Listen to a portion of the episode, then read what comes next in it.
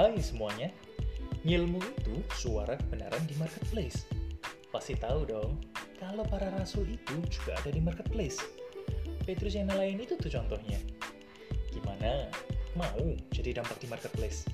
Ayo, sama-sama saling berbagi ilmu yang sesuai kebenaran tentunya untuk Indonesia yang lebih baik.